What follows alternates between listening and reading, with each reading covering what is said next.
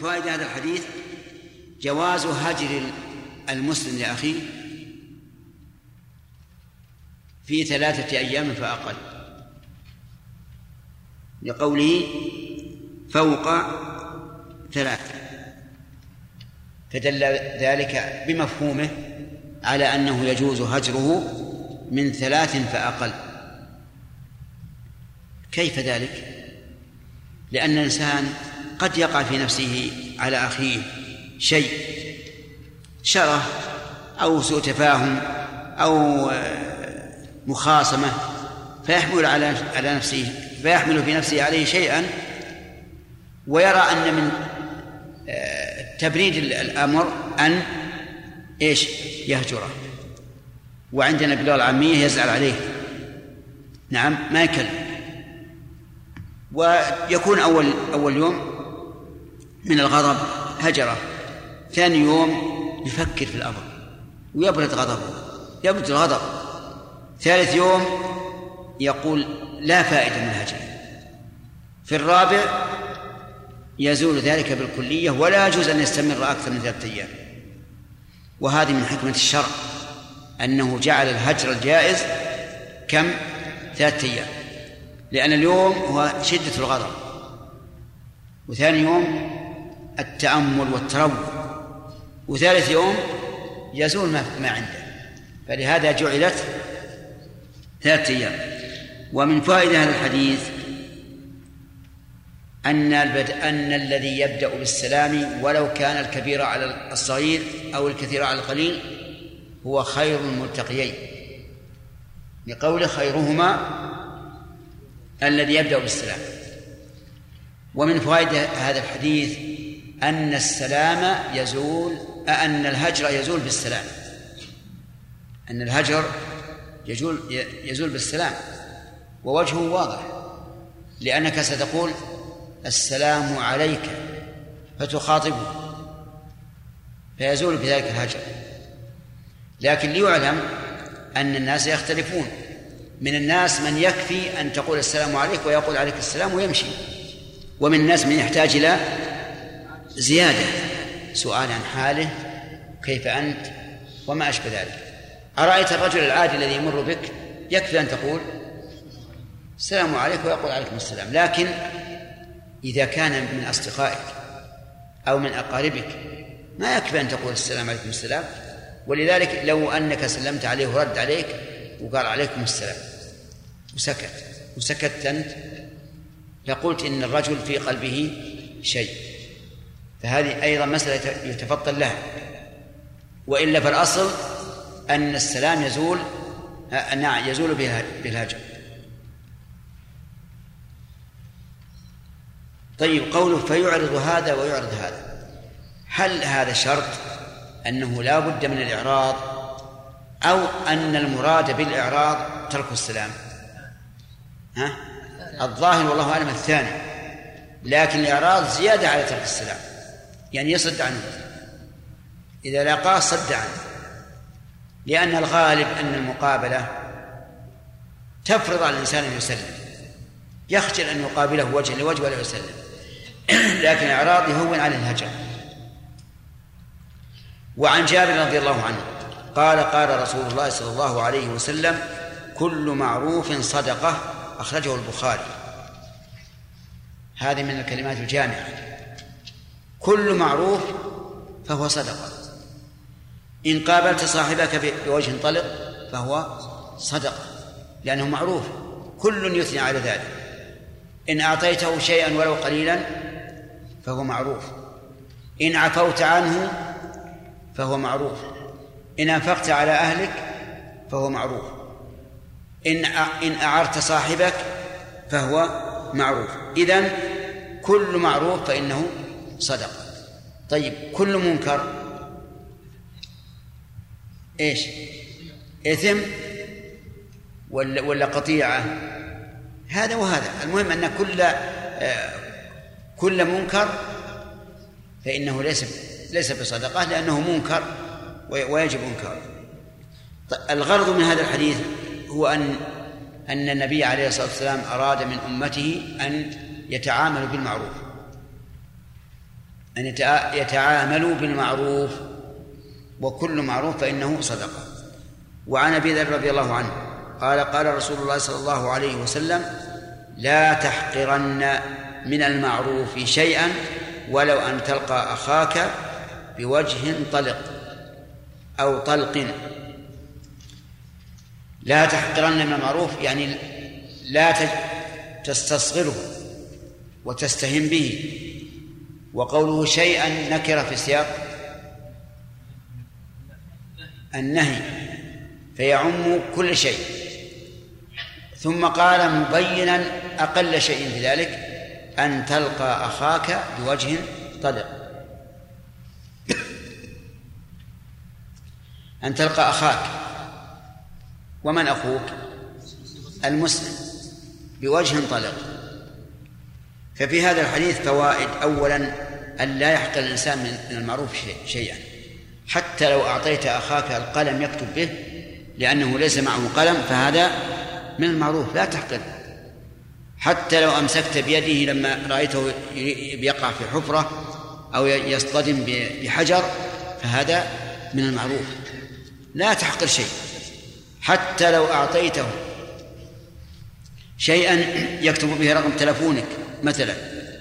لا تحقر. لا تحقر شيئا أبدا. حتى لو رأيت أنه يحب أن يطلع على شيء من مما ينفعه وقد خفي عليه فأخبرته به فإن ذلك من الصدقات.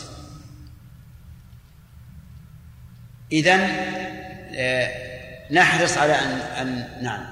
نحرص على أن أن لا نحقر شيئا من المعروف. كل معروف فهو صدقة ولا تحقر ولو أن تلقى أخاك بوجه طلق. طيب وإن وجه وإن لقيت أخاك بوجه عبوس فلا ينبغي. لا ينبغي لك هذا. اللهم إلا إذا اقتضت المصلحة ذلك لسبب من الأسباب فلكل مقام مقام. وعنه رضي الله عنه قال قال رسول الله صلى الله عليه وسلم كان رسول الله صلى الله قال قال رسول الله صلى الله عليه وسلم إذا طبخت مرقة فأكثر ماءها وتعاهد جيرانك. اللهم صل وسلم عليه. إذا طبخت المرق وقدرت أنها لك ولأهل البيت فأكثر ماءها. وإن كانت إذا كثر ماؤها سوف يقل طعمها. لكن المصلحة التي التي تترتب على كثرة الماء أنفع لك في الدنيا والآخرة. تعاهد جيرانك. وظاهر الحديث آه ولو كانوا أغنياء لأن هذا من باب الصلة. ليس من باب دفع الضرورة بل بل من باب التواصل. و ففي هذا الحديث دليل على فوائد. منها أن الإنسان ينبغي له أن يراعي جيرانه بالإحسان إليه. وقد ثبت عن النبي صلى الله عليه وسلم أنه قال من كان يؤمن بالله واليوم الآخر فليكرم جاره. ومنها أن خلط الشيء بما يضعف قيمته. إذا كان لمصلحة فلا بأس. وإن كان غشا نعم فإنه حرام. ولهذا لو كان عندك إناء من لبن إن صببت عليه الماء شرب منه كثير. وإن وإلا لم يشرب منه إلا قليل. فما الأولى؟ الأول أن تصب عليه الماء حتى يتسع لأناس كثيرين. لكن إذا كان للغش فهو حرام. يعني لو كان يريد الإنسان أن يبيع هذا اللبن وصب عليه الماء غشا للناس وخداعا فإنه حرام. ولهذا ورد أن ثلاثا فيهن البركة وذكر منها خلط البر بالشعير للبيت لا للبيع. للبيت لا للبيع لأنه إذا كان للبيع ففيه غش. طيب. ومن فوائد هذا الحديث عناية الإسلام بالجار. حتى أن النبي عليه الصلاة والسلام أرشد إلى أن يكون خليطك في أكلك. إذا طبخت مرقة فأكثر ماءه وتعاهد جيرانك. ومن ومن فوائد هذا الحديث أنه ينبغي للإنسان أن يكون دائما ذا حزم وفطنة لقوله وتعاهد وهذا التعاهد معناه أن يكون الإنسان متأملا في أحوالهم ينظر ماذا يحتاجون فيقضي حاجتهم. ومن فوائد هذا الحديث عظم حق الجار. ولنسأل هل الناس الآن ينفذون مثل ذلك؟ قليل جدا جدا. أكثر الناس تجده متخما من الطعام واللحم وكل شيء وجاره يبيت طاويا وهذا لا شك أنه ليس من خلق الإسلام. من خلق الإسلام هو أن الإنسان يحسن إلى جاره ويكرم جاره بكل ما يستطيع. وعن ابي وعن أبي هريرة رضي الله عنه قال قال رسول الله صلى الله عليه وسلم من نفس عن مسلم كربة من كرب الدنيا نفس الله عنه كربة من كرب يوم القيامة ومن يسر على معسر يسر الله عليه في الدنيا والآخرة ومن ستر مسلما ستره الله في الدنيا والآخرة والله في عون العبد ما كان العبد في عون أخيه. يقول الرسول من نفس عن مسلم كربة. نفس بمعنى ما جاء الوقت. نفس بمعنى وسع. نفس أي وسع. والكربة الضيقة. من كرب الدنيا لأن الدنيا لا تخلو من كرب. و يعني نعم.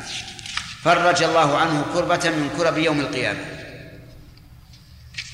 وكرب يوم القيامة أشد من كرب الدنيا. والجزاء من جنس العمل بل هو أعظم. ومن يسر على معسر بأي شيء كان يسار سواء كان بالمال أو بالعمل أو بأي شيء من من أنواع العسار يسر الله عليه في الدنيا والآخرة. ومن ذلك إنظار المعسر وهو أن يكون لرجل على آخر دين والمدين معسر فييسر عليه. فله فإن الله ييسر عليه في الدنيا والآخرة. وكذلك من يسر عليه بمساعدته ومعاونته ونحو ذلك فهو داخل في الحديث. ومن ستر مسلما ستره الله في الدنيا والآخرة. هذا أيضا جزاء من جنس العمل. إذا سترت المسلم أي سترت عيوبه وآثامه ونقصه فإن الله تعالى يستر عليك في الدنيا والآخرة. ثم ذكر قاعدة عامة وهي قوله والله في عون العبد ما كان العبد في عون أخيه. وهذه قاعدة عامة. ويرويه بعض العوام ما دام العبد في عون أخيه وهذا غلط. والصواب ما كان العبد فهو لفظ الحديث وهو المطابق أيضا. يعني ما كان العبد تدل على أن أن الله في عون الإنسان حسب عونه لأخيه. وأما ما دام فلا تدل على ذلك. تدل على أن الإنسان ما دام معين أخاه فالله معينه ولكن لا تدل على أن إعانة الله له من جنس إعانته لأخيه بخلاف اللفظ النبوي ما كان العبد في عون أخيه. طيب. أخرجه مسلم. الآن جاء الأسئلة كمان هذه الأحكام يا شيخ التي ذكرها النبي صلى الله عليه وسلم والإرشادات يعني في هذا الوقت لا يمكن تطبيقها حيث أن مثلا لو أخذ الرجل إلى جاره شيئا من ورق لا يعني اعتبره منقصا وقال كيف تأتيني بهذا؟ أنا في حاجة إلى هذا؟ لماذا؟ اتساع الرزق ولوجود ولأن الناس لم يعتادوا ذلك. ولأن الناس لم يعتادوا. نعم. لكن لو اعتادوا ما رأوا شيء. ما رأوا شيء ولكن أنفع. و... وأجلب المودة والمحبة. لكن هل نقول يعني علينا أن نحيي مثل هذا الأمر أم نقول نتبع لا لا هذا هو هو الأولى. هذا هذا هو الأولى. ولذلك تجد الناس مثلا في أيام في أيام الصيف. أول ما يأتي الرطب إذا أهديت لجيرانك شيء من ذلك ولو شيء قليل يفرحون به ويرون أنه شيء كثير. نعم. بارك الله إذا كان الحجر ليس في مصلحة المهجور لكن في مصلحة الهاجر. بحيث يعني يكون هذا يعني فاسقا ويكره الكلام معه بل مجرد مقابلته ما يرى من معاصي وكره يعني الخير ولا اريح نفسي منه واترك يكون شرحه. إذا سلم سلام عليكم لا ما هو هاجر ترك حتى أنت الآن مثلا لو لو مررت بإنسان ولاقيته وجها لوجه ولم تسلم عليه. حجر يتولد منه مفاسد كثيرة. يبغضه ويكره الحق اللي أنت عليه. ولا ولا يرعوي لك أبدا في أي نصيحة. لكن لو لو سلمت عليه ربما يلين قلبه. أحيانا يا شيخ يكون الانسان مثلا يعتاد من اخيه كلام وغيره ولكن يسلم عليه ثم يخالف هذه العاده فلا يسلم عليه يسلم عليه ولكن لا يكلم كلام كثير الذي كان أي. فيعتبر انه هاجر لا هو ما هاجر هذا. لكنه يعني فات فوات كمال. يعني لا حصل عقوبة أو محرم لكنه فوات كمال. سوف سوف يعرف ان بينه أن في قلبه شيء. نعم.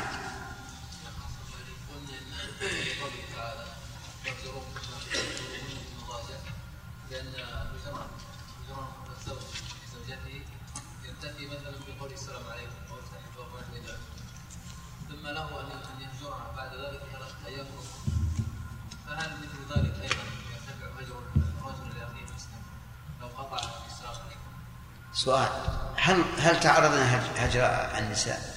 وهجرهن في المضاجع؟ الصباح الصباح منذ ثلاث إيه لكن أظن مو بيجي بالصباح. أتيت بالصباح؟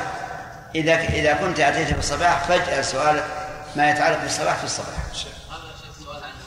لأنك إذا قلنا يهجرها في المضجع ما شاء إحنا ما تكلمنا في هذا وش هذا الكلام. هذا يحلم هذا وش زي ولا وش زي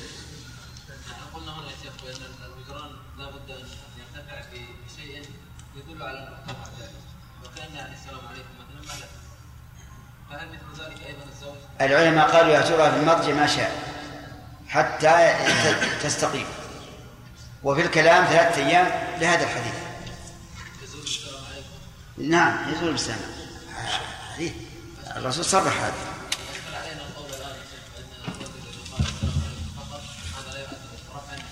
لا يعد إيش؟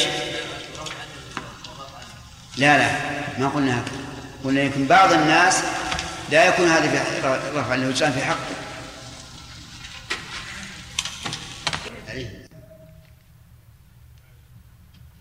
نعم. يقول آه، سؤال هل الزارع صفة من صفات الله تعالى؟ كما في قوله تعالى أنتم تزعمون أم نحن الزارعون؟ آه، وما المقصود؟ أي طيب سؤال واحد. هذه نعم هي صفة فعل صفة فعل وليست صفة ذات لأن هذه تتعلق بأفعاله إن شاء أنبت الزرع وإن شاء لم ينبته وإن شاء أتلفه بعد بعد نباته. عليك بسم الله الذي سمى به نفسه وصفاته التي وصفها نفسه. واضحة جلية ولا تنقب. إن كنت تريد اتباع السلف. فالسلف ما نقبوا هذا التنقيب. قالوا إن الله قال في كتابه أنتم تزرعون أم نحن زارعون؟ ولا سأل بعضهم بعضا هل من صفات الله الزارع أو من أسماء الله الزارع. عليك بطريقة من سلف. واترك التنطع فإن التنطع هلاك خصوصا فيما يتعلق بصفات الله. أرشدك إلى هذا وأرشد الإخوان السامعين. ترى هذا هلاك هلاك أن الإنسان يتنطع في صفات الله. صفات الله أعظم وأجل مما نتصور. ولم يسأل عنها سلفنا الصالح. هل الصحابة رضي الله عنهم يجهلهم هذا الأمر؟ يجهله يجهلهم أن أنه لا بد من السؤال أبدا.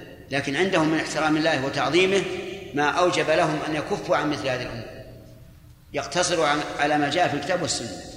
أما التنقيب هذا فليس من شأن السلف. وسوف يهلك صاحبه إن عاجلا وإن آجلا. لأنه سيعجز عن عن الإحاطة بالله وبأسمائه وصفاته وحينئذ يستحسر وينكر ويحرف ويبدل. فإياك إياك. أن تتعمق وتتنطع في هذه الأمور. اسلك ما سلكه الصحابة.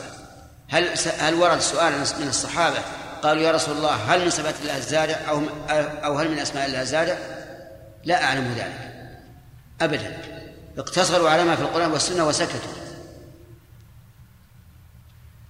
إذا كنتم صادقين في طلب التعمق إن أذنا لكم أو أذن لكم الشرع ففي أعمالكم أنتم وصفاتكم أنتم وهل هذا حرام عليكم وهذا حلال أو هذا واجب؟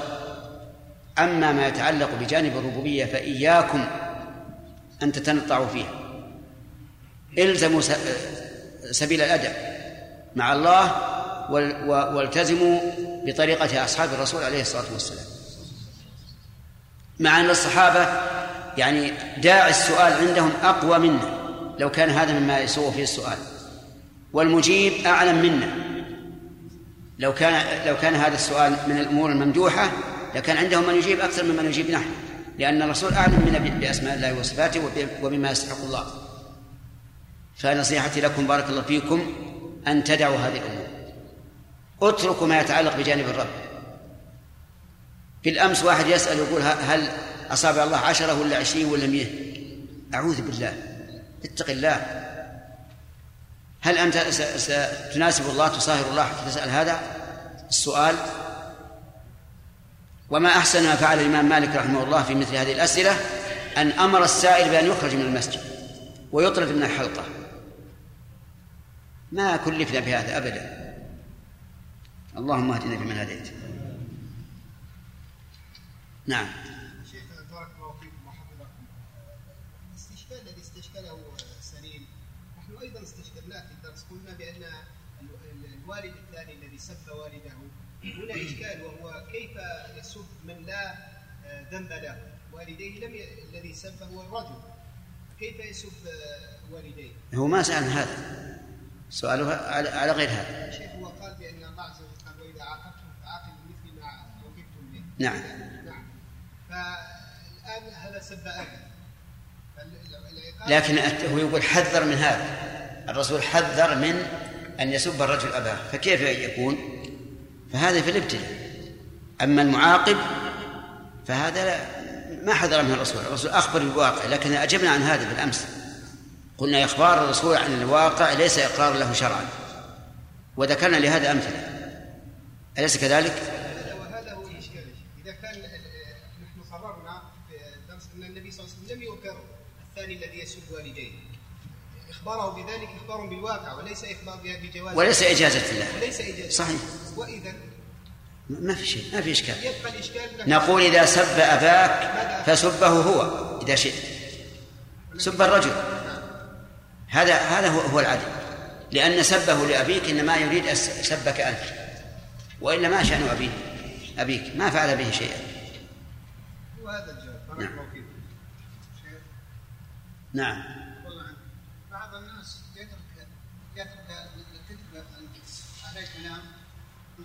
يستحسن شيء من يستحسن شيء منه ويميل القلب إلى ذلك نعم. هذا شيخ يقرا أو يس- يترك هذا هذا صحيح. نحن نرى أن مطالعة كتب أهل الكلام خطأ إلا من طالب علم جيد يريد أن يرد عليه. وأما إنسان بادئ مبتدئ فلا يطالع كتب أهل الكتاب لأنها ت- تضيع أوقاته وتوجب أن يتشكك ويتردد. وقد قلت لكم إن أكثر أهل النا أكثر إن أكثر الناس شكا عند الموت هم أهل الكلام وأن علماءهم وفحولهم كلهم أقروا بأنهم على خطأ وقالوا نموت على دين على جائز. نعم. تفضل. لا ما في أسئلة يا أخي. ما في أسئلة. ها؟ لا لا هذا البارح قضاء. والقضاء ما يمكن يكون كل كل يوم. لا لا. واللي علقنا على سؤال الأخ من جهة الزارع لأن الحقيقة هذه تتعبنا جدا. أن يبدأ الطلبة ين- ينقشون هذه الأشياء. ما تعبدنا بها. بل نهينا عنها. نعم. كما قال ابن مسعود رضي الله عنه وصف الصحابة بأنهم أغزر الناس علما وأقلهم تعمقا. وهذا هو الحق. نعم. نبدأ واحد يقرأ بسم الله الرحمن الرحيم. قال المصنف رحمه الله تعالى فيما نقله عن ابن مسعود رضي الله عنه قال قال رسول الله صلى الله عليه وسلم من دل على خير فله مثل أجر فاعله أخرجه مسلم. وعن ابن عمر رضي الله عنهما عن النبي صلى الله عليه وسلم قال من استعاذكم بالله فاعيذوه ومن سألكم بالله فأعطوه ومن أتى إليكم معروفا معروفا فكافئوه لم تجدوا فادعوا له بسم الله الرحمن الرحيم. الحمد لله رب العالمين. وصلى الله وسلم على نبينا محمد وعلى آله وأصحابه. ومن تبعهم بإحسان إلى يوم الدين. سبق الكلام على حديث أبي هريرة رضي الله عنه أن النبي صلى الله عليه وسلم قال من نفس عن مسلم كربة من كرب الدنيا. وأن معنى نفس وسع والكربة الضيق والشدة. نفس الله عنه كربة من كرب يوم القيامة. ومن يسر ومن يسر على معسر يسر الله عليه في الدنيا والآخرة. أظن وقفنا على هذا الشرح. الفوائد. طيب. ذكرتني كتاب عندي لك يا زين العابدين. فوائد هذا الحديث الحث على تفريج الكربات كربات المسلمين. ومن فوائده أن الجزاء من جنس العمل بل أكبر وأكثر من العمل. لأن من نفس عن مسلم كربة من كرب الدنيا نفس الله عنه كربة من كرب يوم القيامة. ومن فوائد الحديث أيضا التيسير على المعسر. وأن الجزاء من جنس العمل وهو أن الله ييسر عليه في الدنيا والآخرة بل هو أكثر لأنه ييسر لأن الله ييسر عليه في الدنيا والآخرة. والتيسير على المعسر قسمان. قسم في طلب ما لا يستطيع. من حقك فهذا حرام عليك أن تعسره. بل يجب التيسير. كرجل عليه كرجل له مال عند شخص والمدين لا يستطيع الوفاء فهنا يجب أن تيسر عليه وجوبا. لقول الله تعالى وإن كان ذو عسرة فنظرة إلى ميسرة ولا يحل لك طلبه ولا ولا مطالبته بل الواجب الإنظار وهناك تيسير ليس بواجب فهذا يندب إليه. فإن قال قائل هل هذا الجزاء يشمل الواجب والمستحب؟ يعني يشمل التيسير الواجب والمستحب قلنا نعم يشمل هذا وهذا. بل التيسير الواجب أفضل من التيسير المستحب. ومن فوائد ومن فوائد هذا هذا الحديث أن من ستر مسلما ستره الله في الدنيا والآخرة ففيه الحث على ستر المسلم. ولكن هذا ليس على إطلاقه فالستر على حسب المصلحة. إن كان في ستره مصلحة فليستر عليه وإلا فلا. فلو أن رجلا من أهل الشرف والمروءة والعبادة حصل منه زلة نعلم أنها زلة وأنها عبارة عن شيء حصل ولن ولن يعود إليه فيما نعلم من حاله فهنا الستر أفضل. الستر أفضل. وإذا كان العيب من شخص معروف بالشر والفساد فالواجب كشفه وبيانه حتى ينكف شره عن عباد الله. فهذا الحديث ليس على إطلاقه بل تقيده النصوص الأخرى وهو أن الله تعالى لا يحب الفساد وستر من عرف بالفساد سبب لكثرة الفساد. ومن فوائد هذه هذا الحديث إثبات الآخرة والجزاء فيها وهو ظاهر. ومن فوائد هذا الحديث القاعدة العامة أن الله في عون العبد ما كان العبد في عون أخيه. والمراد بذلك عونه على ما لا ضرر فيه. وأما عونه على ما فيه ضرر في الدين أو الدنيا فليس فليس الله في عون صاحبه. لماذا؟ لأن هذا فساد. والله لا يحب الفساد. ولا يمكن أن يعين الله تعالى من أراد الفساد. إذن الله في عون العبد ما كان عبد في عون أخيه على أي شيء؟ على الخير أو على ما لا مضرة فيه. وهذا أدق. وأما ما فيه مضرة دينية أو دنيوية فإن الله تعالى لا يأذن به ولا يعين فاعله. وعن ابن مسعود رضي الله عنه قال قال رسول الله صلى الله عليه وسلم من دل على خير فله مثل أجر فاعله أخرجه مسلم. هذا أيضا من الأحاديث العظيمة المهمة. من دل على خير أي خير كان.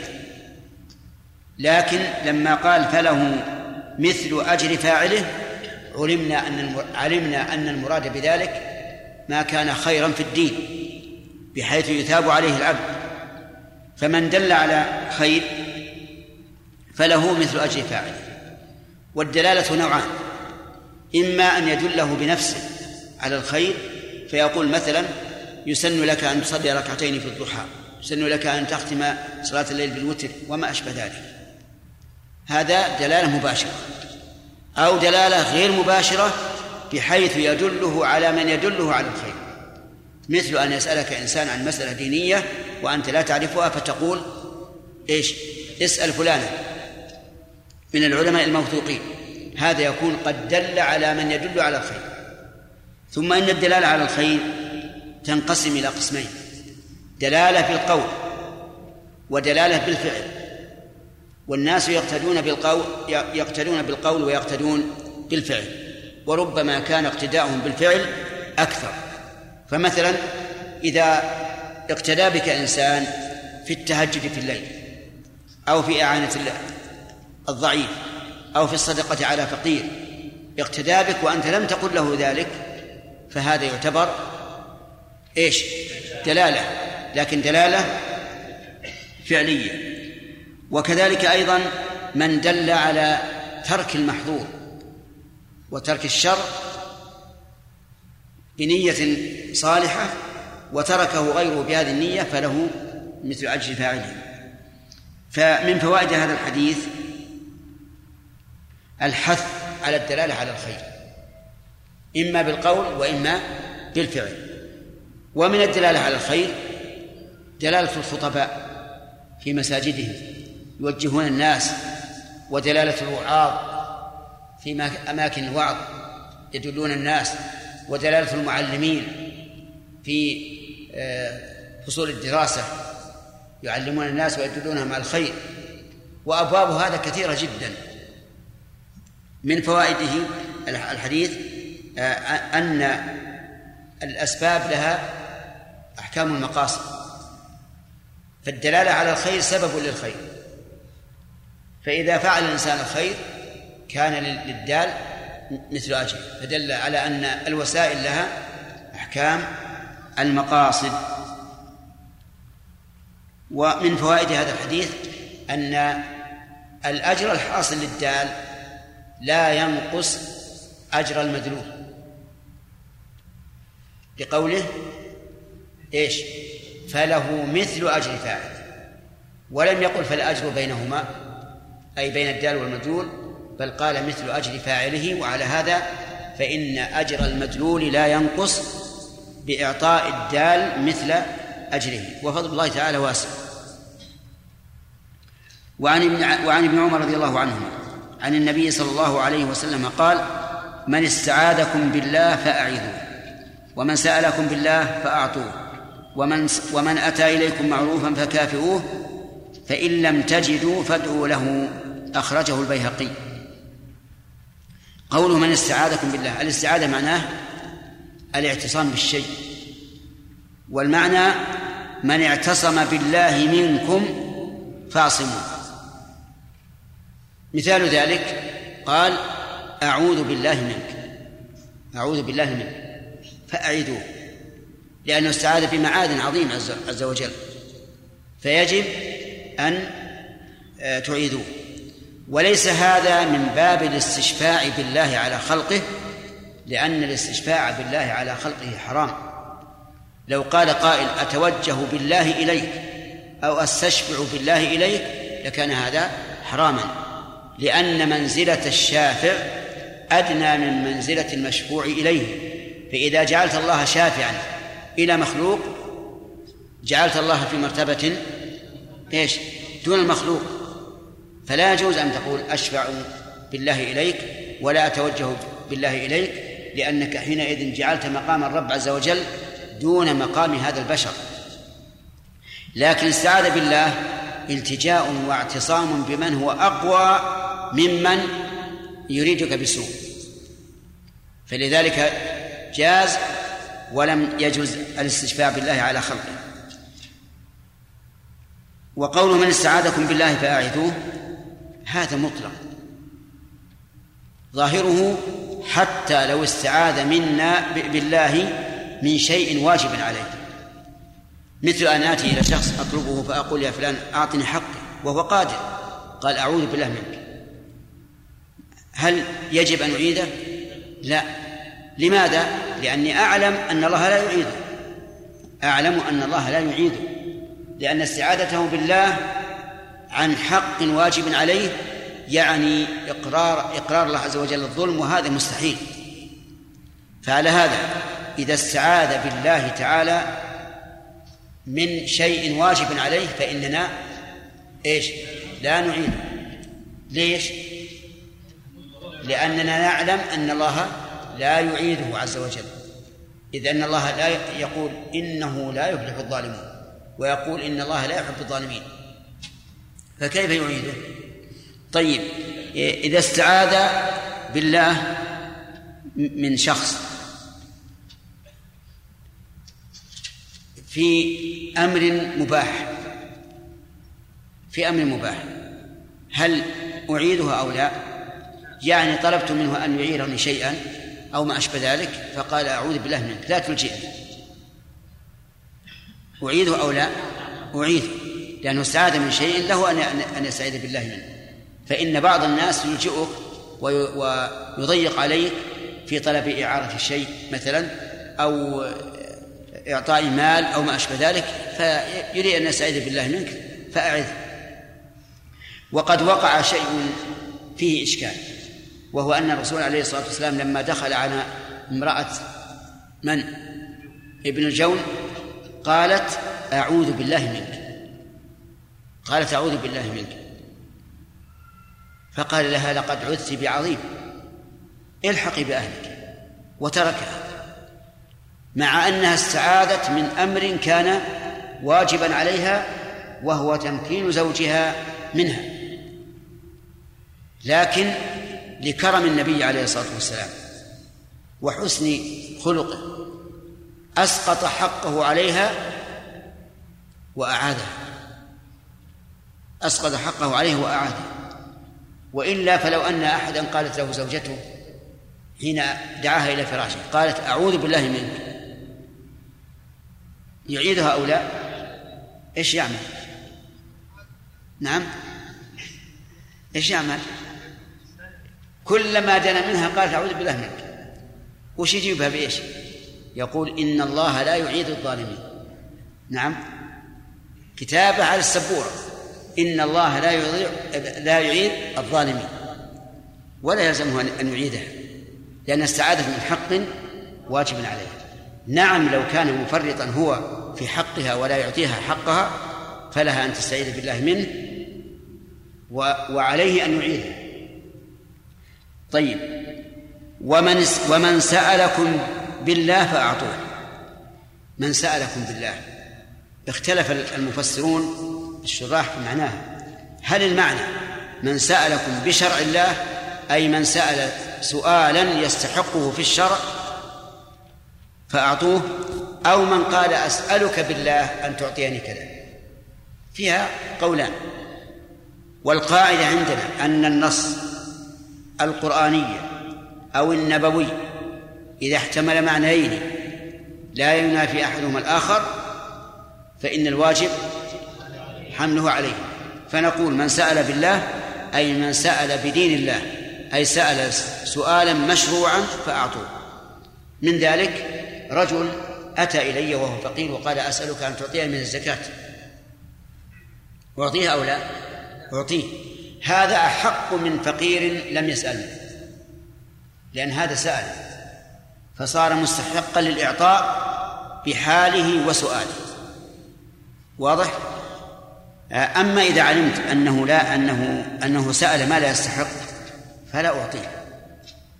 بناء على تفسير من سأل بالله أي بشرع الله. فإذا جاء يسألني مثلا من الزكاة وأنا أعرف أنه غني لكنه سأل تكثرا فلا أعطيه. هذا وجه. الوجه الثاني من سألكم بالله أي من قال أسألك بالله أن تعطيني فهل تعطيه؟ هذا أيضا يحتاج إلى تفصيل. إذا سأل ما لا يحل له فلا تعطي مثال ذلك جاءك إنسان وقال أسألك بالله أن تشتري لي كرتون بكت. إيش؟ تعطيه ولا ما تعطيه؟ يا أخوان. نعم. بكت. يعني دخان.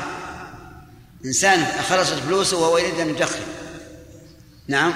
وضاقت عليه الأرض ما رحبت فقال الحمد لله. عندي حديث عن الرسول عليه الصلاة والسلام يقول من سألكم بالله فاعطوا فذهب إلى رجل وقال أسألك بالله أن تعطيني آه، مئة ريال اشتري بها دخان.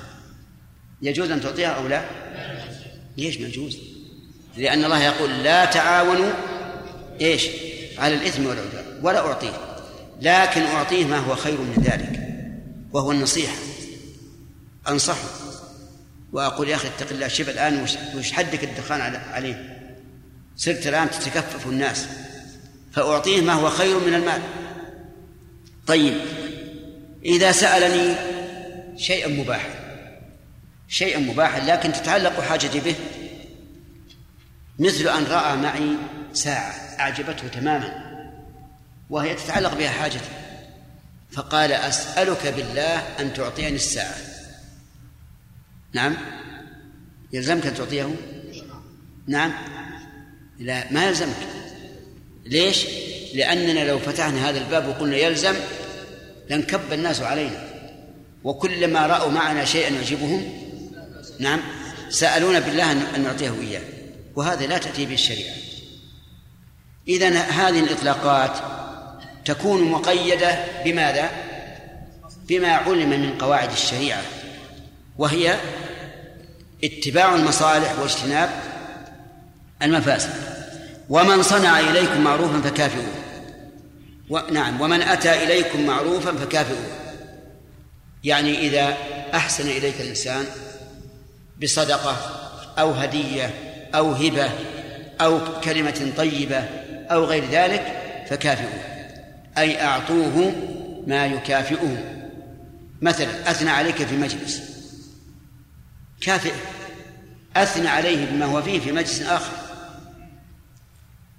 آه، أهدى إليك هدية. اقبل الهدية وكافئه. نعم. آه، كذلك أيضا سعى لك في خير. كافئه. فإن لم تجد فادعو الله له. إن لم تجد ما تكافئه. مثل رجل أهدى إليك هدية هدية يعني ضخمة ولا تستطيع أن تكافئه. فادعو الله له. وهذا الدعاء يقابل آه، المعروف الذي أتى الذي أتى إليك وكذلك أيضا إذا كان هذا الذي أتى أتى إليك معروفا لم تجري العادة بمكافأته. مثل السلطان الأمير الابن وما أشبه ذلك. هذا لم تجري العادة بمكافأته. فماذا أصنع؟ إيش؟ أكافئه بالدعاء. فقول فقول الرسول إن لم تجدوا نقول وكذلك إذا لم تجري العادة بمكافأته ورأى هو أنك لو كافأته لكان هذا يعني رد معروفه. فهنا أرشد النبي عليه الصلاة والسلام أن ندعو له. آه، في هذا حديث فوائد. منها وجوب تعظيم الله عز وجل. لقوله من السعادة بالله فأعذوه. ومنها جواز الاستعاذة بالله تعالى من كيد الأعداء. لقول من استعاذكم بالله فأعذوه. وأما من استعاذ بالله لدفع واجب عليه فهذا لا لا يعاد. ومنها أن من سأل بالله على الوجهين في معناه فإنه يعطى. ومن سأل على غير على غير هذا الوجه فإنه لا يعطى. ومنها مكافأة من أتى إليك معروفا وهل المكافأة واجبة؟ نقول ظاهر الحديث الوجوب. ظاهر الحديث الوجوب. ومنها أن من عجز عن شيء فإنه قد يكون له بدل وقد لا يكون له بدل. ومسألتنا هذه لها بدل وهو الدعاء. ومنها حسن الشريعة الإسلامية حيث جعلت لمن صنع المعروف مكافأة لينشط فاعل المعروف على بذل المعروف. ثم قال المؤلف باب الزهد والورع. باب الزهد والورع لا بد أن نعرف الفرق بينهما لأن عطف أحدهما على الآخر يدل على على المغايرة.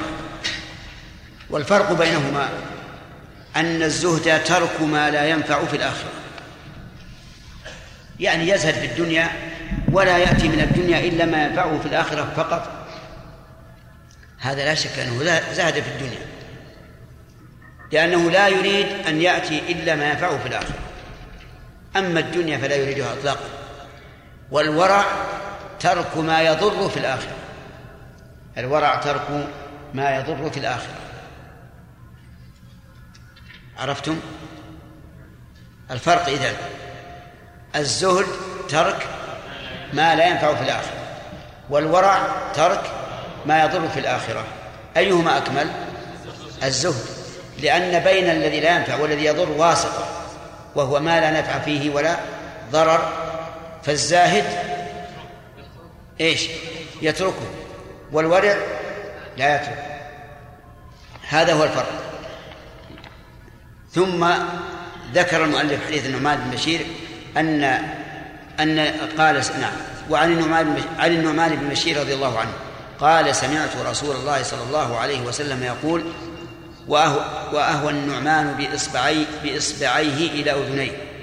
إن الحلال بين والحرام بين وبينهما مشتبهات إلى آخر الحديث.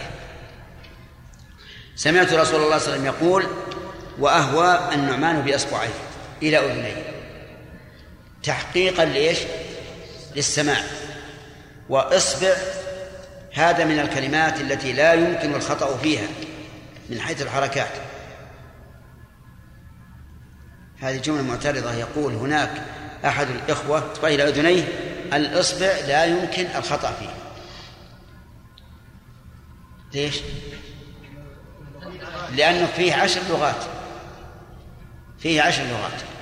ينشدنا إياها الأخ إبراهيم ما تحفظ. من يحفظها؟ محمد؟ وهمزة قال رحمه الله. همزة الملك لا تقال رحمه الله. ما أدري وش وانت من العرب الأولين. قال ان نعم الشاعر. وثالثه والتسع وشون؟ وهمزة الملك نعم. إيه. وثالثه. ثالثه؟ لا ثالثه. في النصب. وثالثه. وثالثه ها. والتسع في التسع التسع في أصبع وقت بأصبع طيب. صحيح؟ سمعتم كلامه؟ يقول وهمز أنملة ثلث وثالثه. التسع في إصبع واختم بأسبوع. همز أنملة ثلث وثالثه. كم تكون اللغات؟ تسع. من ضرب ثلاثة في ثلاثة. التسع في إصبع. وهذا محل الشاهد. واختم بأسبوع. تكون اللغات في أسبوع؟ هي في إصبع عشر. عشر لغات. أما أنملة ففيها تسع لغات. شرح هذا وإن كان ليس في الحديث لكن لا بأس ينفع إن شاء الله. آه، شرح هذا. لنأخذ الهمزة في إصبع على أنها مفتوحة. والباء مثلثة نقول إيه؟ أصبع. أصبع. أصبع. صح؟ لنأخذ الهمزة مضمومة والباء مثلثة. إيش؟ أصبع. أصبع. أصبع. طيب. لنأخذ الهمزة مكسورة والباء مثلثة. نعم. إصب إصبع. إصبع. إصبع. كم هذه؟ هذه العاشرة أسبوع أما أنملة فيقال فيها كما قلنا في إصبع. يقال أنملة أنملة أنملة. أنملة أنملة أنملة. إنملة إنملة إنملة. كما جميع. تسع الآن في بيت واحد حصلنا على تسع عشرة لغة صح؟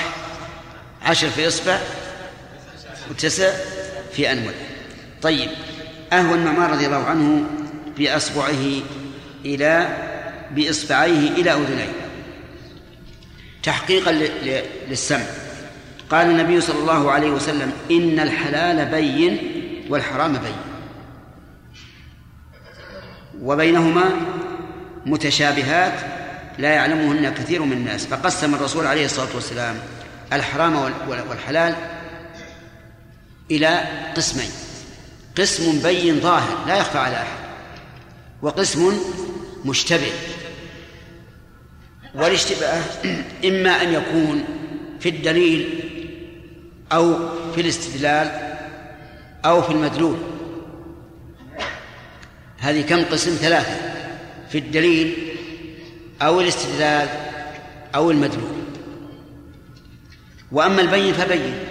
فمثلا حل الطيبات. بين أو لا؟ تحريم الخبائث. بين. الميتة. تحريمها بين. الخنزير. تحريمه بين. الزنا. تحريمه بين. وأشياء كثيرة. والحلال أيضا بين.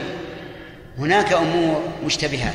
لم يذكر الرسول عليه الصلاة والسلام الواجب لأن الحديث موضوع عن عن الأمور التي يتغذى بها الإنسان ويأكلها. وإلا فالواجب لا شك أنه أيضا الواجب منه بين ومنه ومنه ما هو مشتبه. بينهما أمور مشتبهات. لا يعلمهن كثير من الناس ويعلمهن كثير من الناس. يعني الناس يختلفون فيه. الرسول لم يقل لا يعلمهن أكثر الناس بل قال كثير. أي كثير من الناس يعلمهن وكثير من الناس لا يعلمهن. والكثير كما قلنا تطلق على هذا وهذا كما قال تعالى وكثير من الناس وكثير حق عليه العذاب. طيب من الذي يعلمهن؟ يعلمهن أهل العلم الراسخون فيه الذين يعلمون نصوص الشارع ويعرفون كيف يستدلون بها ويعرفون المدلول. مثلا العلم بالدليل. لا بد أن يكون الإنسان يعرف الدليل دليل الحلال والحرام من القرآن أو من السنة أو من جماع أو من إجماع السلف.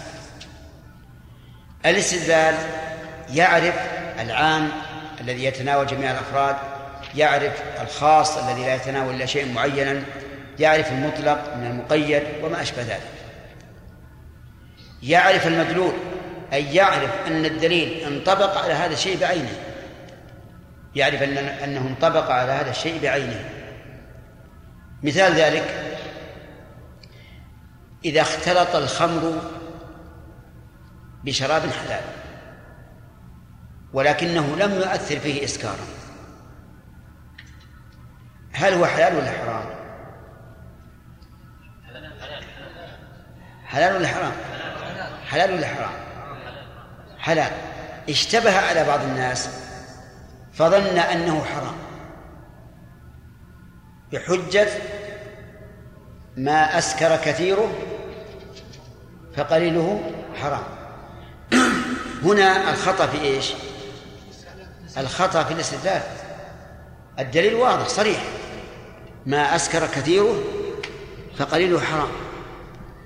هؤلاء اشتبه عليهم الأمر.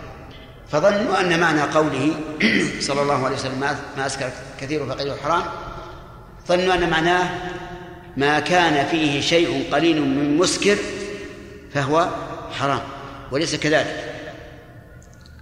ليس كذلك. ليش؟ لأن معنى الحديث أن هذا الشراب لو أكثرت منه لحصل الإسكار ولو أقللت منه لم يحصل الإسكار. فهل يجوز القليل منه الذي لا يحصل بالإسكار؟ الجواب لا هذا معنى الحديث. وليس معنى الحديث ما كان فيه جزء يسير من من خمر فهو حرام. لأننا نقول لو أن عندك ماء سقطت فيه نجاسة يسيرة لم تؤثر فيه شيئا ما حكمه؟ طهور طهور تشرب منه وتتوضأ منه. وتطهر منه الثوب والبدن مع أن فيه جزء يسير من النجاسة. لكن هذه النجاسة محلت فيه وذهبت وزالت فلم يبق لها حكم. كذلك الخمر لو سقطت نقطة في كأس لكنها لا تؤثر فيه إطلاقا. لو تشرب عشرين كأس ما ما حصل إسكار فهنا لا يحرم إذن الدليل واضح؟ إيش؟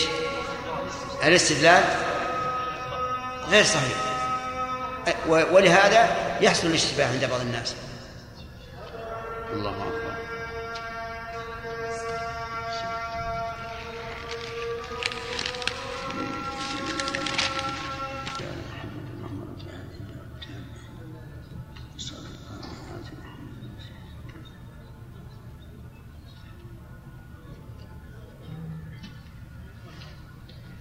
كذلك أيضا آه، قال النبي صلى الله عليه وسلم إن الله حرم بيع الخمر والميتة والخنزير والأصنام. فقالوا يا رسول الله أرأيت شحوم الميتة؟ فإنه تطلى بها السفن وتتن بها الجلود الجلود ويستصبح بها الناس. فقال لا هو حرام. لا هو حرام. الضمير هنا هل يعود على البيع الذي هو موضع الحديث أو يعود على الانتفاع بذلك بالاستصباح ودهن الجلود نعم. وطل وطل السفن. هذا أيضا مما يشتبه. يشتبه في دلالة الحديث عليه.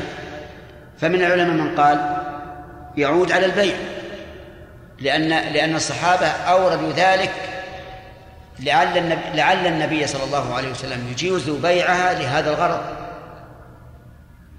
ومن الناس من قال إنه يعود على الانتفاع وأن جلود وأن شحوم الميتة لا تطلى بها السفن ولا تدل بها الجلود ولا يستصبح بها الناس. والراجح إنها أنه يعود إلى إلى البيع لأنه هو محل الحديث. والرسول صلى الله عليه وسلم ما تحدث عن عن هذه المنافع. طيب. المهم أنواع الاشتباه كثيرة.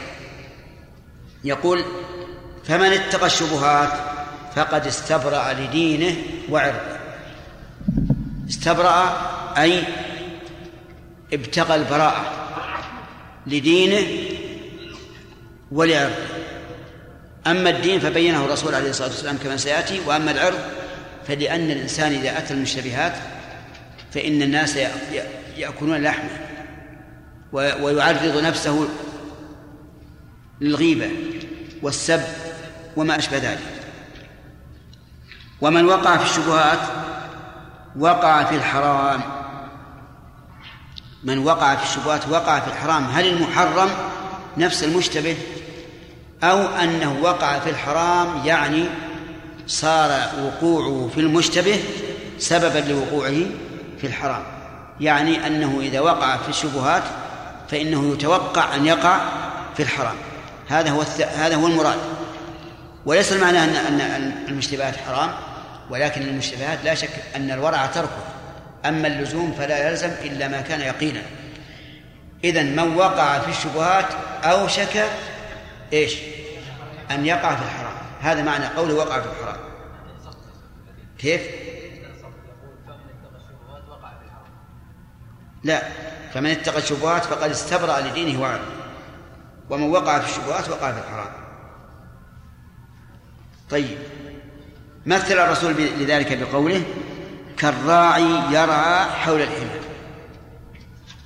الراعي راعي إيش؟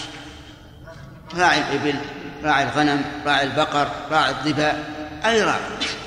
يرعى حول الحمى الحمى المكان الذي منع من الرعي فيه.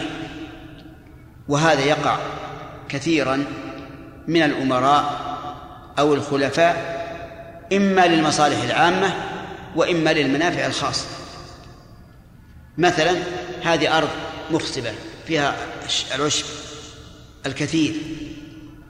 آه، حماها أحد من الناس بمعنى أنه منع من الرعي فيها.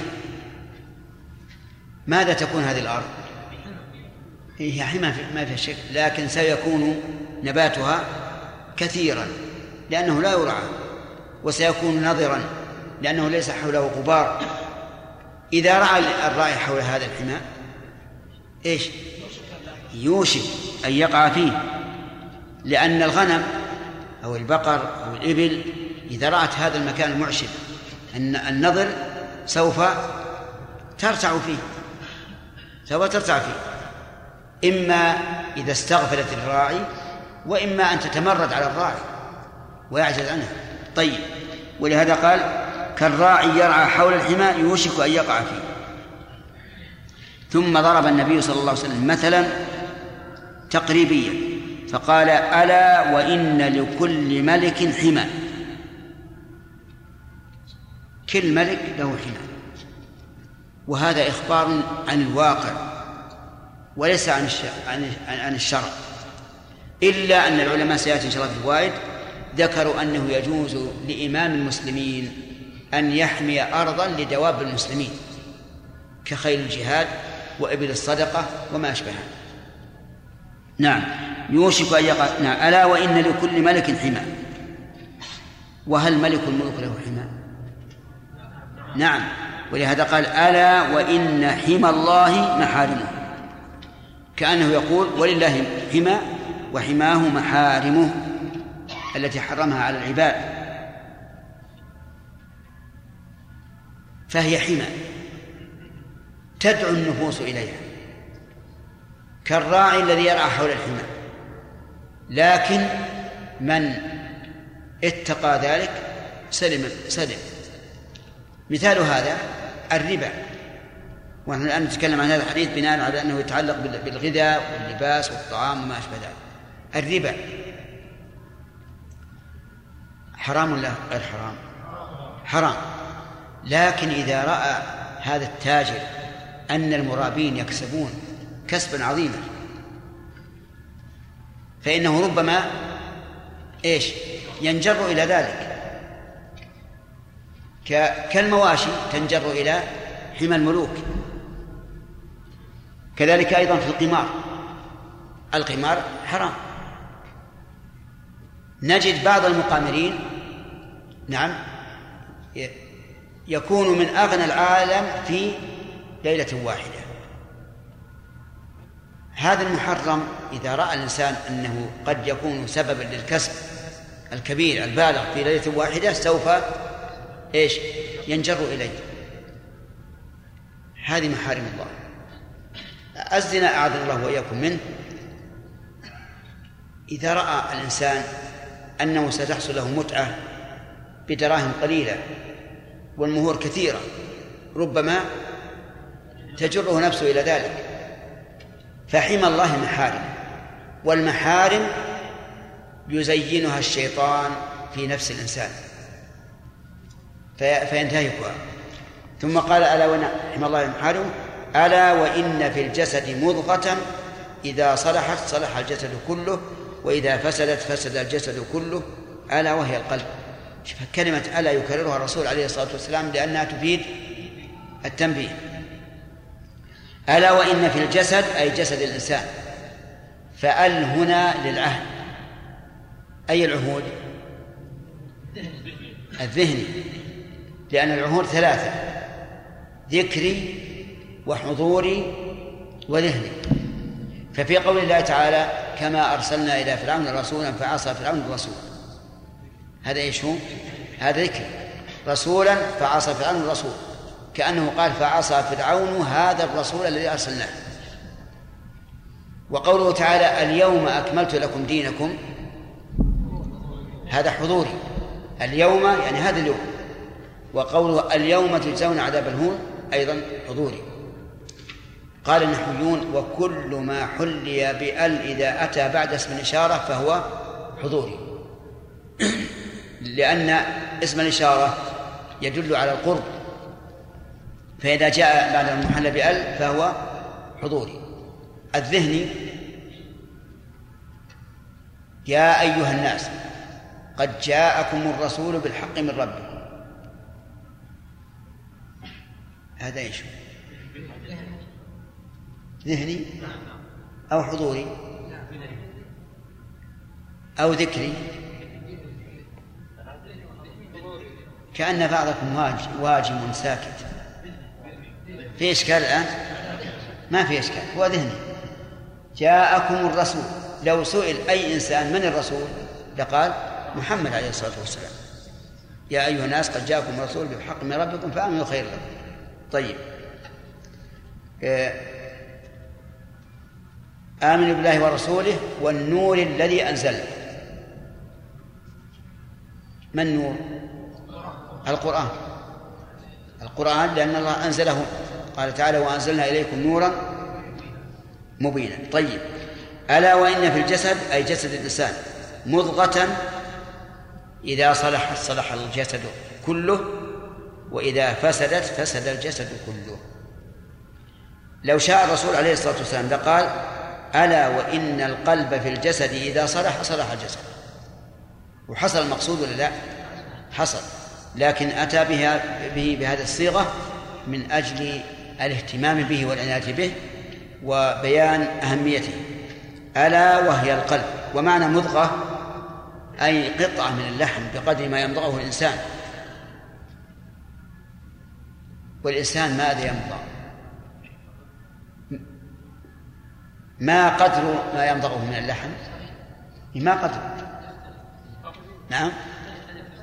من أشتاقه واسعة فستكون مضغته كبيرة. ومن ومن أشتاقه ضيقة ستكون صغيرة. والوسط وسط. نأخذ الوسط. آه، ماذا تقدر المضغة يا أخ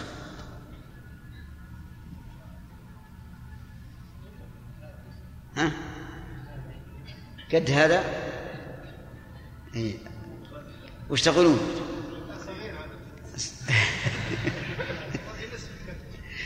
على كل حال هو كلما صغرت المضغة فهو أحسن. لأن الإنسان يستطيع أن يعلكها تماما ويهضمها تماما. لكن الغالب أن المضغة تكون من البيضة فأقل. من البيضة ولا أعني بذلك بيضة البش الكبيرة بيضة الدجاج المعروف فأقل. هذه المضغة هذه إذا صلحت صلح الجسد كله وإذا فسدت فسد الجسد كله. فتبارك الله أحسن الخالقين. مضغة في الجسد إذا صلح صلح الجسد. وهل المراد هنا بالصلاح؟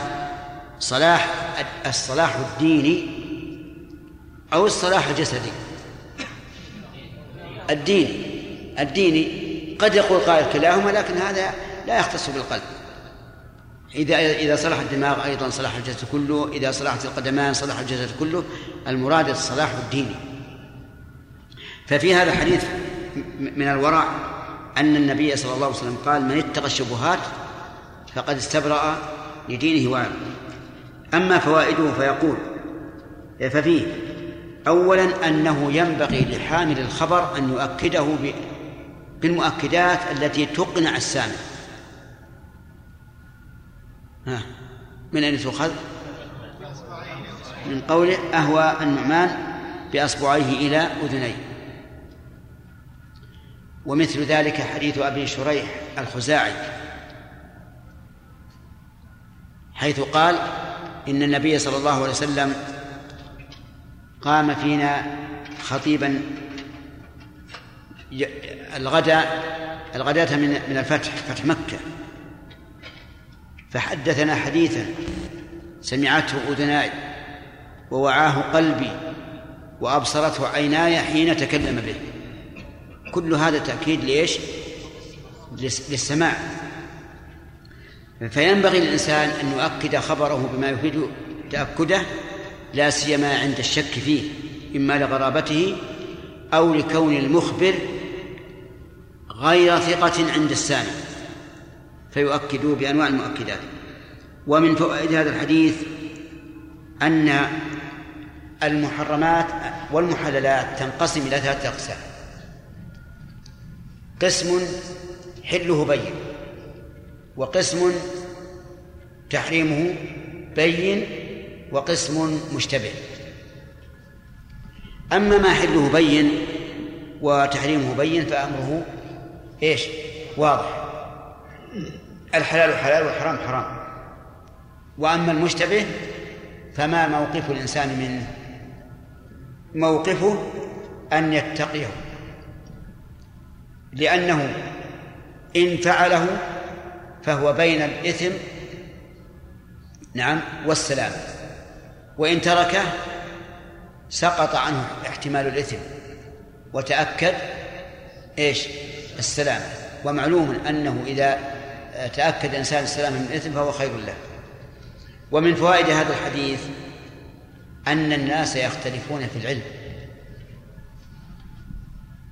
لقوله لا يعلمهن كثير من الناس. وهل يختلفون في الفهم؟ نعم يختلفون في الفهم اختلافا عظيما. أما العلم فمعناه الاطلاع على الأدلة الشرعية وعلى أقوال العلماء وما أشبه ذلك. وأما الفهم فهو آه، غريزة يجعله الله عز وجل في الإنسان وقد تكون مكتسبة فتزيد مع التمرن. وهذا أمر مشاهد. الإنسان كلما تمرن على تدبر النصوص وتفهمها ازداد فهما. وكم من إنسان آه، أخذ من نص واحد عدة مسائل. وآخر لم يحصل منه لم يأخذ منه إلا مسألة واحدة. ففضل الله يؤتيه من يشاء. وقد سئل علي بن أبي طالب رضي الله عنه هل عهد إليكم النبي صلى الله عليه وسلم بشيء؟ قال لا والذي فلق الحبة وبرأ النسمة إلا فهما يؤتيه الله تعالى أحدا في كتابه. فقال إلا فهما. دل ذلك على أن الإنسان قد يدرك بفهمه ما لا يدركه غيره ومن فوائد هذا الحديث أنه ينبغي الحث أنه ينبغي للإنسان أن يحرص على معرفة المجتمع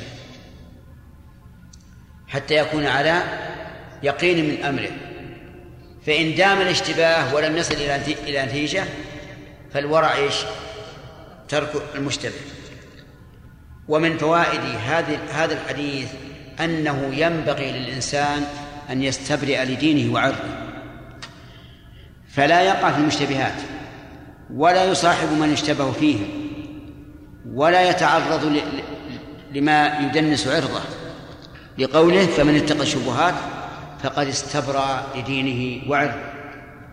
لا لا يتكل الإنسان على ثقة الناس به.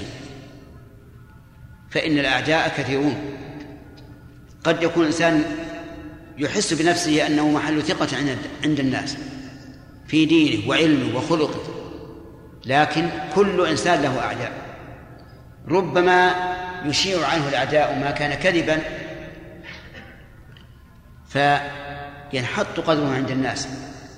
ولهذا يجب على الإنسان أن يستبرئ لدينه وعرضه حتى يسلم من الشر. لا يقول أبدا الناس لا يظنون بي إلا خيرا. لا يجب أن يبين. ولقد رأى رجلان من الأنصار رسول الله صلى الله عليه وسلم في الليل ومعه من؟ صفية. فأسرعا خجلا من الرسول عليه الصلاة والسلام. فقال على رسلكما إنها صفية بنت حيي. فقال سبحان الله. قال لهما إن الشيطان يجري من ابن آدم مجرى الدم وإني خشيت أن يقذف في قلوبكما شرا أو قال شيئا. مع أن نعلم علم اليقين أن الصحابيين لا يخطر ببالهما شيء من مما يظن. لكن الإنسان يدرأ إيش؟ عن نفسه ما يبرئ به دينه وعرضه. ومن فوائد هذا الحديث سد الذرائع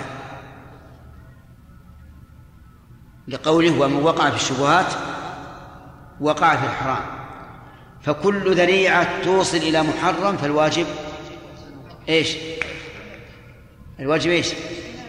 اجتنابها وسده ومن فوائد هذا الحديث حسن تعليم الرسول صلى الله عليه وسلم بضرب الأمثال المحسوسة ليتوصل بها إلى فهم المعاني المعقولة. تؤخذ من أين؟ أيها المتكئ على العمود. المتكئ. يا أخي أنت بين ثلاثة. أنت المتكئ تماما. هل منك أي نعم أنت. أي تمام. هل سرحت؟ ليش تسرح يا أخي؟ السرح إنما يكون في أيام الربيع في في البر. لا حول ولا قوة إلا بالله. طيب اللي جنبه؟ اللي تكلم أولا؟ أحسنت. طيب بتمثيل الرسول عليه الصلاة والسلام هذه المعاني المعقولة وهو أن من اتقى الشبهات فقد استبرأ دينه وعرضه وما وقع في الشبهات وقع في الحرام بالراعي. الراعي كل يعرف أنه إذا رعى حول الحمى فإنه يوشك أن يقع فيه. ومن فوائد هذا الحديث جواز حمى جواز الحمى في البر أن يحمي الإنسان لنفسه مكانا يرعى فيه إبله وغنمه وبقره وما أشبه ذلك. انتبهوا. ها؟ هل يمكن أن يستدل به على ذلك؟ لا. لأن الرسول عليه الصلاة والسلام مثل بأمر واقع. أما هل يجوز أو لا يجوز فهذا شيء آخر. يؤخذ من نصوص أخرى. لكن النبي صلى الله عليه وسلم يذكر الأمور الواقعة أحيانا لا لإقرارها ولكن لبيان أنها ستقع. طيب. إذن هل يجوز؟ نأخذ من هذا. هل يجوز أن يتخذ الإنسان له مكانا يحميه من المراعي الطيبة أو لا. نقول أما إذا كان ذلك لخاصة نفسه فهذا لا يجوز لأن الناس شركاء في ثلاث الماء والكلى والنار. وأما إذا كان لمصالح المسلمين العامة فلا بأس لأنه لم يتخذه لنفسه. فإذا قدر أن هذا الأمير حمى أرضا مخصبة جيدة لإبل الصدقة مثلا أو لغنم الصدقة أو لبقر الصدقة فهذا هذا جائز. ولكن أيضا بشرط أن لا يضر المسلمين الآخرين. يعني بأن تكون المراعي واسعة. أما إذا كان يضرهم مثل أن لا يوجد في مراعي البلد إلا هذا هذه القطعة فإنه لا يجوز أن يحميها ولو لإبل المسلمين وذلك لأن المصالح العامة لا يمكن أن تقضي قضاء مبرما على المصالح الخاصة. لأننا لو قلنا لك أن تحمي لإبل الصدقة أو نحوها بقيت إبل الناس تموت جوعا. فإذا كان يضرهم فهو ممنوع حتى وإن كان للمصالح العامة. ومن فوائد هذا الحديث أن حمى الله محارمه. يعني أن المحارم جعلها الله تعالى بمنزلة الحمى لا تقرب. ولهذا قال العلماء إذا قال الله تعالى تلك حدود الله فلا تقربوها فالمراد بالحدود المحرمات. وإذا قال تلك حدود الله فلا تعتدوها فالمراد بها الواجبات. لأن الله عز وجل جعل حدودا محرمات لحفظ النفوس وحدود واجبات لتزكية النفوس لأن النفوس محتاجة إلى تزكية وحماية. من فوائد هذا الحديث أن القلب هو المدبر للجسد. لقوله إذا صلحت صلح الجسد كله. وإذا فسدت فسد الجسد كله ألا وهي القلب. ومن فوائده الرد على من قال إن المراد بالقلب هو العقل الذي محله في, في, في الدماغ على زعمه. فيقول إن الرسول فنقول إن الرسول قال في الجسد مضغة وهي القلب. وهذا ليس معقولا بل هو شيء محسوس. ومن ثم وقع النزاع بين علماء الشريعة وعلماء الطبيعة والفلسفة هل العقل في الدماغ أو العقل في القلب؟ وطال النزاع من قديم الزمان. قال الإمام أحمد العقل في القلب وله اتصال في الدماغ. العقل في القلب وله اتصال في الدماغ. وهذا هو ما دل عليه القرآن. قال الله تعالى أفلم يسيروا في الأرض فتكون لهم قلوب إيش؟ يعقلون بها. وأين القلوب؟ هل هي في الدماغ؟ لا في الصدور. قال الله تعالى فإنها لا تعمل الأبصار ولكن تعمى القلوب التي في الصدور. فالقرآن والسنة كلاهما يدل على أن محل العقل وتدبير وتدبير البدن هو القلب. وهذا هو الذي دلت عليه النصوص. فإن قال قائل أليس الرجل إذا اختل دماغه اختل عقله؟ أجيب بلى. لكن لا مانع من أن يكون أصل العقل في القلب ثم يصدر الأوامر إلى آه، المخ. من أجل أن تدبر هذه المملكة العظيمة. لأن جسد الإنسان مملكة عظيمة فيها من جميع الآلات. وأظن سامي العقيل يعرف أن في بدنه حديدا. نعم؟ في حديد؟ وفيها أحجار ما في تراب؟ كل المواد موجودة في البدن. وكل المعامل موجودة موجودة في البدن. ولهذا قال الله تعالى وفي الأرض آيات للموقنين وفي أنفسكم أفلا تبصرون. هذه الحكومة الدولة في الواقع الجسد دولة لا بد لا بد للملك الذي يدبره من من جنود. فالمدبر الملك هو القلب والجنود الدماغ والأعضاء وما أشبه ذلك. فأقرب ما ما يقال في تصور المسألة أن أصل التدبير في القلب. والمخ مساعد. طيب فإذا قال الإنسان التصور الآن المعروف أن التصور يكون ها في الرأس. يكاد الإنسان يلمس لمسا. فيقال نعم. سكرتير الملك. يعمل المعاملات ويمحصها ويدققها ثم يبعث بها إلى الملك من أجل التوقيع. فيوقع. ومن ينفذ؟ الجنود.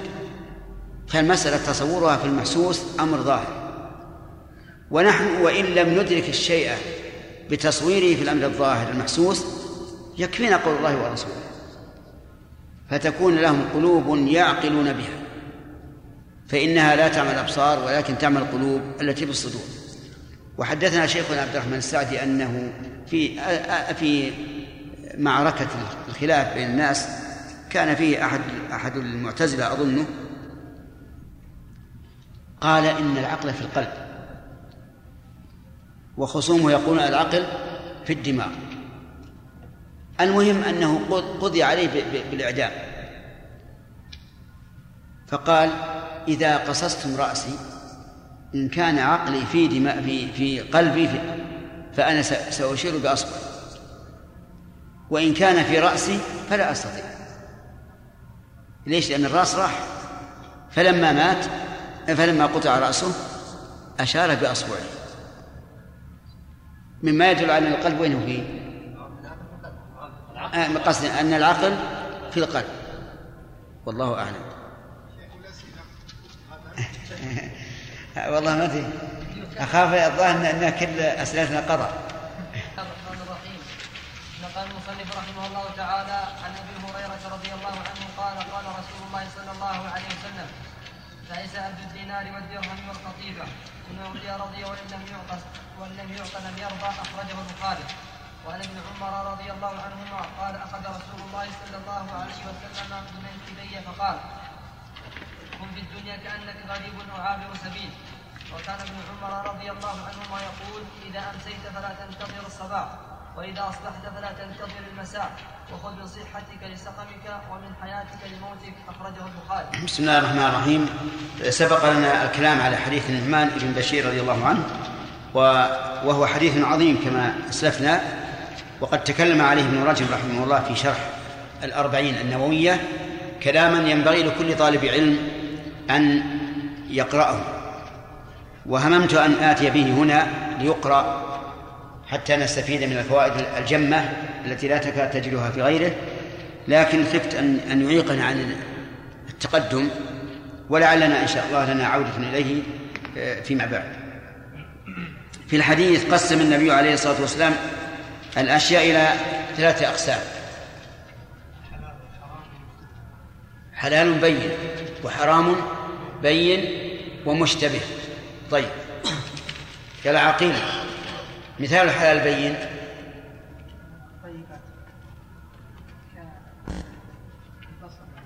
الطيبات من الرزق. نعم. كالبر والتمر والشعير وما أشبه ذلك. والحرام البين سمين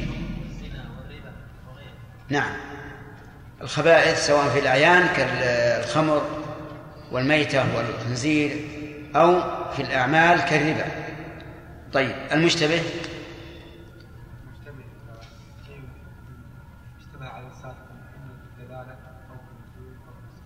نعم.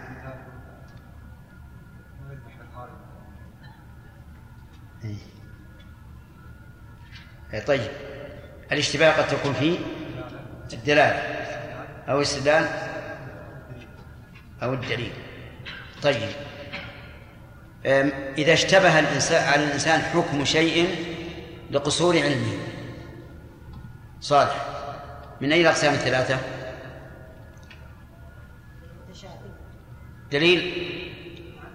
اشتباه في الدليل. إي نعم. يعني قال والله ما أدري هذا هذا حلال وهذا حرام لأنه ما اطلع على دليل الدليل طيب. الاستدلال مثاله؟ أنت. سقطت قطرة الخمر على كأس ماء استدل على ذلك؟ اصبر اصبر أنا عيني له أي أنت.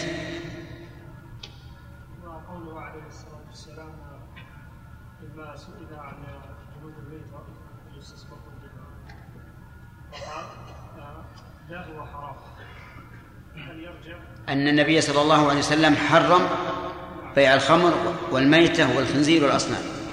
فقيل له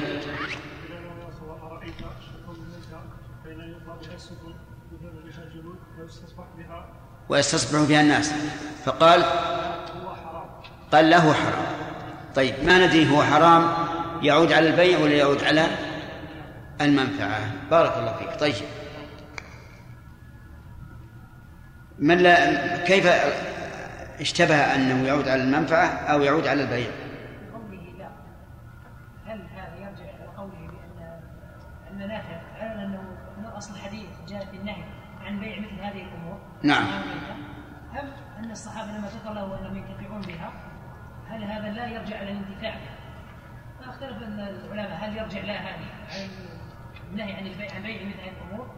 أم هو يرجع يعني من قال إنه عن البيع قال لأن أصل موضوع الحديث هو في البيع. هو في البيع. فقال هو حرام يعني ولو مع وجود هذه المنافع. والذين قالوا إنه هو حرام قالوا هذا يعود على أقرب مذكور. وهو ذكر منفعة وهو ذكر هذه المنافع. طيب عندنا أصل إذا تعارض إذا اشتبه الدليل نرجع إلى أي شيء عباد الله؟